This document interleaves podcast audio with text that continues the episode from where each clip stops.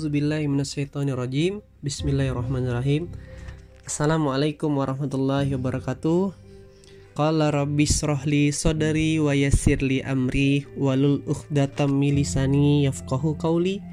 Ashhadu an la ilaha illallah wa ashhadu anna muhammad rasulullah. Allahumma salli ala sayyidina Muhammad.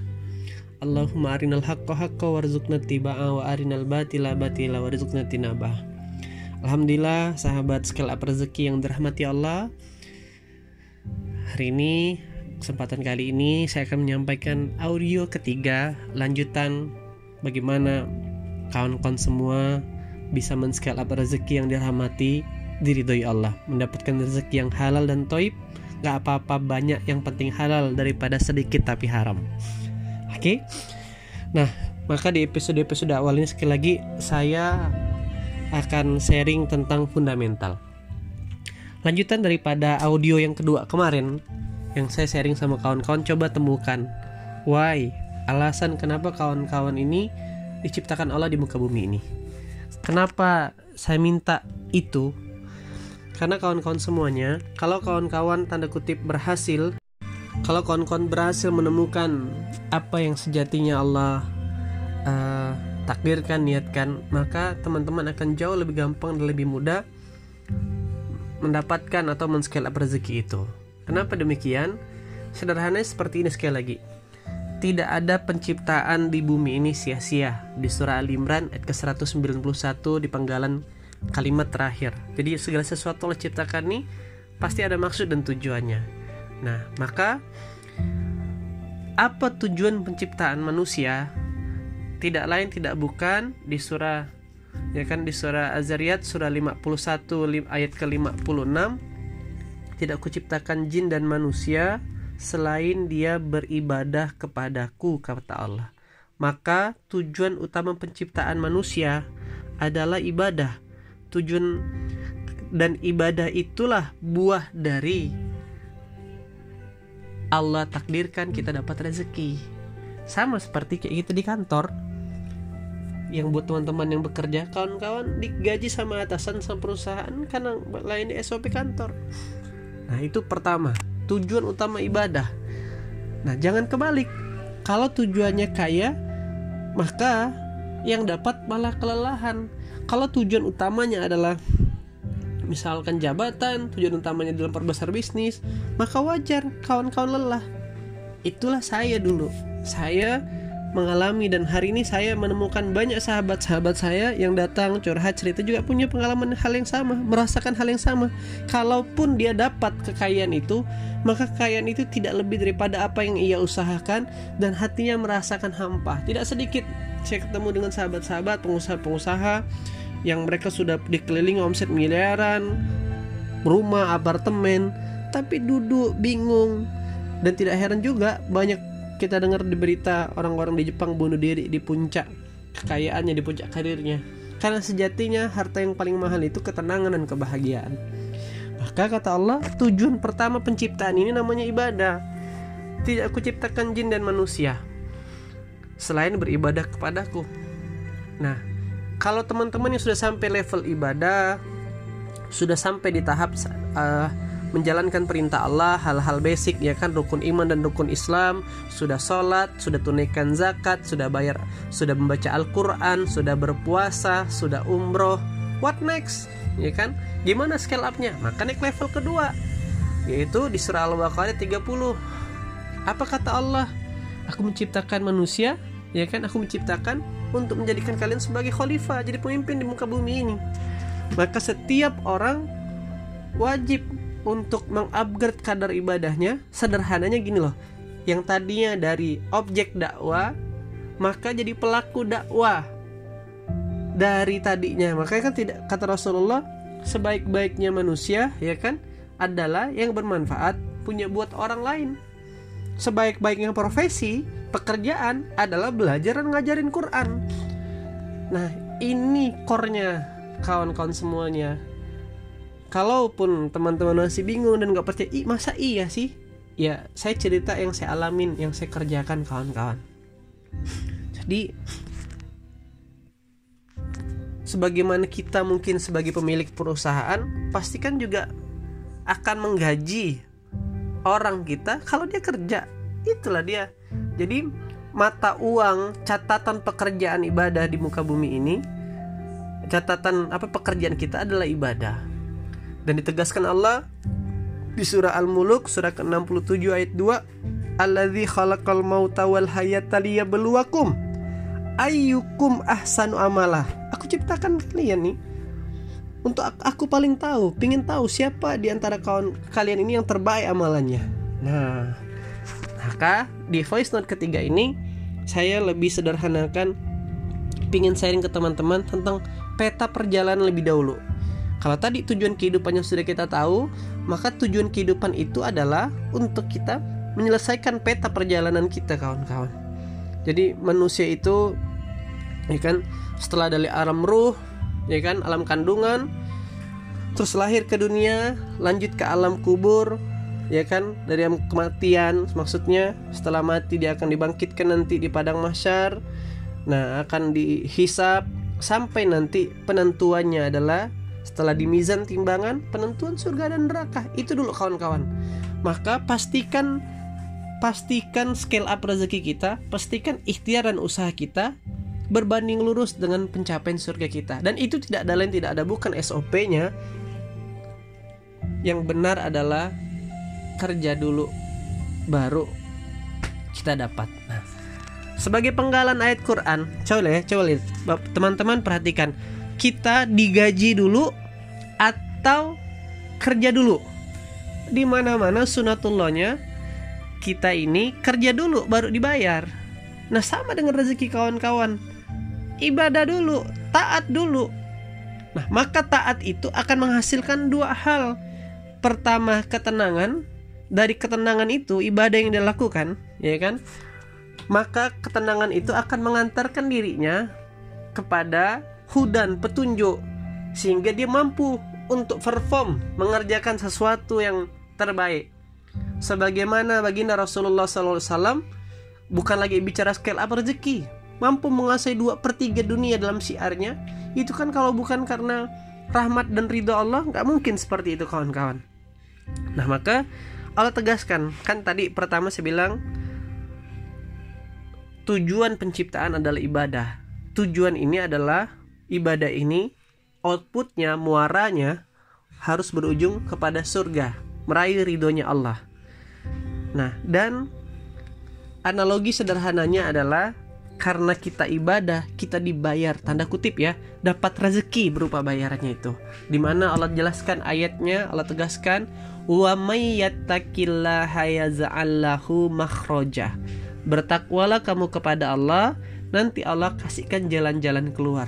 Nah, orang banyaknya kebalik. Nanti deh bang, nanti deh ustadz, saya kalau udah utang saya lunas, saya akan nyaman ke majelis. Kalau udah saya nikah baru saya bisa fokus nih bantu-bantu kegiatan dakwah. Kalau saya udah naik jabatan saya bisa sedekah kebalik mindsetnya.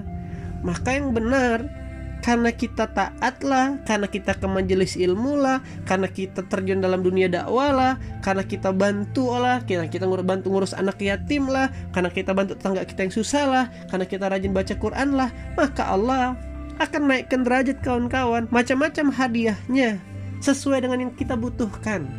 Coba deh diingat-ingat sekali. Coba diingat-ingat teman-teman, rezeki kawan-kawan itu lebih banyak yang didapatkan hari ini dari dari hitung-hitungan strategis teman-teman atau dari hal-hal yang teman-teman gak nyangka-nyangka eh tiba-tiba dapat proyek tiba-tiba dapat orderan tiba-tiba dikasih mertua, tiba-tiba dapat warisan, tiba-tiba diangkat jabatan, tiba-tiba diamanahi dapat pro, dapat kerjaan, keluar negeri dan sebagainya. Nah, kalau saya pribadi yang kedua, kawan-kawan. Dan saya juga tanya kedua orang tua saya yang seorang PNS, kalau hanya ngandalin gaji, ya kan kata orang tua saya, itu rasa-rasa nggak mungkin nyekolahkan anak bisa sampai ke bangku universitas, ke bangku sarjana. Ada aja rezeki kata ayah saya Tentunya rezeki yang halal dan berkah. Nah, maka teman-teman dirahmati Allah, setelah kawan-kawan paham tujuan utama, maka berperilakulah, habiskanlah energi, habiskanlah waktu untuk mengerjakan pekerjaan pokok, bukan pekerjaan sampingan. Kita kebalik. Yang kita kerjakan adalah pekerjaan sekunder. Memang Allah perintahkan kita jual beli. Memang Allah perintahkan kita untuk ikhtiar sunatullahnya tetapi perintah jual beli dan ikhtiar itu tidak boleh mengabaikan bahkan menyampingkan atau mengonorduakan perintah ibadah. Bahkan perintahnya kata Allah kan di surah An-Nur ayat ke-33 yaitu orang-orang yang tidak dilalaikan dari perniagaan mengedepankan sholat. Itu yang akan mendapatkan rezeki yang Allah ingin apa pingin bagikan kepada kita kawan-kawan. Nah maka teman-teman yang rahmati Allah kesimpulan di audio yang ketiga ini pahami dulu esensi tugas utama kita di muka bumi ini. Ingat dicek lagi kalau kawan-kawan hari ini merasa lelah, merasa jenuh, merasa capek, merasa kok nggak dapat dapat, jangan-jangan ikhtiar yang kawan-kawan lakukan nggak ada hubungannya dengan surga. Jangan-jangan bisnis yang dikerjakan malah membuat kita lalai dalam mengerjakan sholat lima waktu, bahkan menunda-nunda sholat. Jangan-jangan pekerjaan kita ini membuat kita nggak sempat datang ke majelis ilmu bahkan membaca Quran Nah, bentuk kasih sayang Allah karena dia tidak mau ciptain produk yang sia-sia di dunia ini, maka dikasih kegelisahan, dikasih persoalan, biar kita punya waktu untuk muhasabah. Karena kata Allah, kalau aku kasih lebih mengenai hal ini, maka dia akan jadi hambaku yang melampaui batas. Maka dikasih ketidaknyamanan ini untuk kita evaluasi. Muncullah kawan-kawan, followlah kawan-kawan grup scale up rezeki ini, channel scale up rezeki ini. Nah, tapi kalau kita bertindak sesuai dengan apa SOP-nya, maka bisnis yang dikerjakan untuk membesarkan agama Allah, bisnis yang dikerjakan membuat kita tambah taat, tambah ibadah, bisa rajin sedekah, rajin qiyamul lailnya, nambah hafalan Qur'annya, rasa-rasa tidak mungkin kalau Allah sia-siakan. Siapa contohnya? Umar bin Khattab. Kekayaan Umar bin Khattab itu dari catatan desertasi di Umul Qura Mekah punya 70 ribu ladang pertanian. Bukan 70 ribu hektar ya 70 ribu ladang. Satu ladang tuh besar sekali. Dan kalau divaluasi 200 miliar sebulan pasif income-nya Umar. Itu yang membuat Usman sedekahnya kapal perang sedekahnya kuda terbaik sedekahnya baju jirah. Itu yang membuat Usman bisa wakaf. Kenapa? Karena Allah tahu rezeki yang aku amanahkan kepada dia untuk membesarkan kepentinganku. Oke sekali lagi pahami tujuan utama tugas kita sebagai manusia yaitu beribadah dan harus naik level sebagai khalifah. Dan itu tujuan dasarnya arah bergeraknya bermuara kepada perjalanan akhir kita. Kembali ke rumah kita yaitu jannatun firdaus. Nah dan kawan-kawan semuanya pakem yang kedua adalah taat dulu kerja dulu kepada Allah. Nanti Allah yang akan bayar dengan rezekinya. Nah, dan yang ketiga teman-teman, sebagai quote yang kawan-kawan harus pahami, ketika engkau berikhtiar sesuai dengan kehendaknya, maka engkau akan terkagum-kagum melihat hasilnya. Itulah yang namanya taufik keinginan kita sama dengan keinginan Allah. Itu yang membuat datang banyak miracle dan keajaiban. Kita ini hamba bukan Tuhan kawan-kawan. Kita yang ikut aturan bukan yang buat aturan hidup. Dan teman-teman semua yang rahmati Allah. Kalau kawan-kawan paham esensi ini maka setelah mendengar audio ini kawan-kawan insya Allah semoga sampai keimanannya sampai hidayahnya akan menghabiskan energinya untuk beribadah. Yang sholatnya sering lalai mulai akan gelisah kalau sudah azan berkumandang. Yang tadinya sunnahnya belum dihidupkan, mulai semangat ngidupin duha dan kiamul lail. Yang tadinya Quran paling sepekan sekali yasinan dibaca, mulai gelisah kalau nggak baca Quran. Yang tadinya sedekah cuma Jumatan, mulai rajin tiap hari sedekah. Itu aja SOP-nya kawan-kawan. Nanti saya di audio berikutnya saya bahas apa hubungannya amalan-amalan tadi dengan rezeki. Nah, maka ini fundamental yang paling basic. Adapun strategi-strategi bisnis, workshop-workshop bisnis itu sunatullah. Nanti setelah fokus utama makanan pokoknya ini, nasinya ini kita beresin. Maka kawan-kawan, semoga audio ini bermanfaat. semoga yang ketiga ini membuat kawan-kawan langsung bisa action oke okay? dan sebagai PR ya kan coba teman-teman cross check bikin catatan kecil. Oh saya seling sholat subuh telat juhur jam sekian asar jam sekian. Bikin catatan sedekahnya sebagaimana kualitas sedekahnya kualitas Qurannya. Dan nanti setelah teman-teman catat posisi kawan-kawan terus teman-teman uh, lakukan perubahan. Minimal sholatnya di upgrade kalaupun belum mampu sholat malam sholat tepat waktu. Berjamaah. Oke? okay. Nah ini tidak tahu kalau by case pas hari ini momen ini corona ya ada beberapa masjid yang mungkin tidak membuka masjidnya lagi untuk menghindari yang lebih baik. Intinya kalau di kondisi ideal berjamaah tepat waktu di masjid.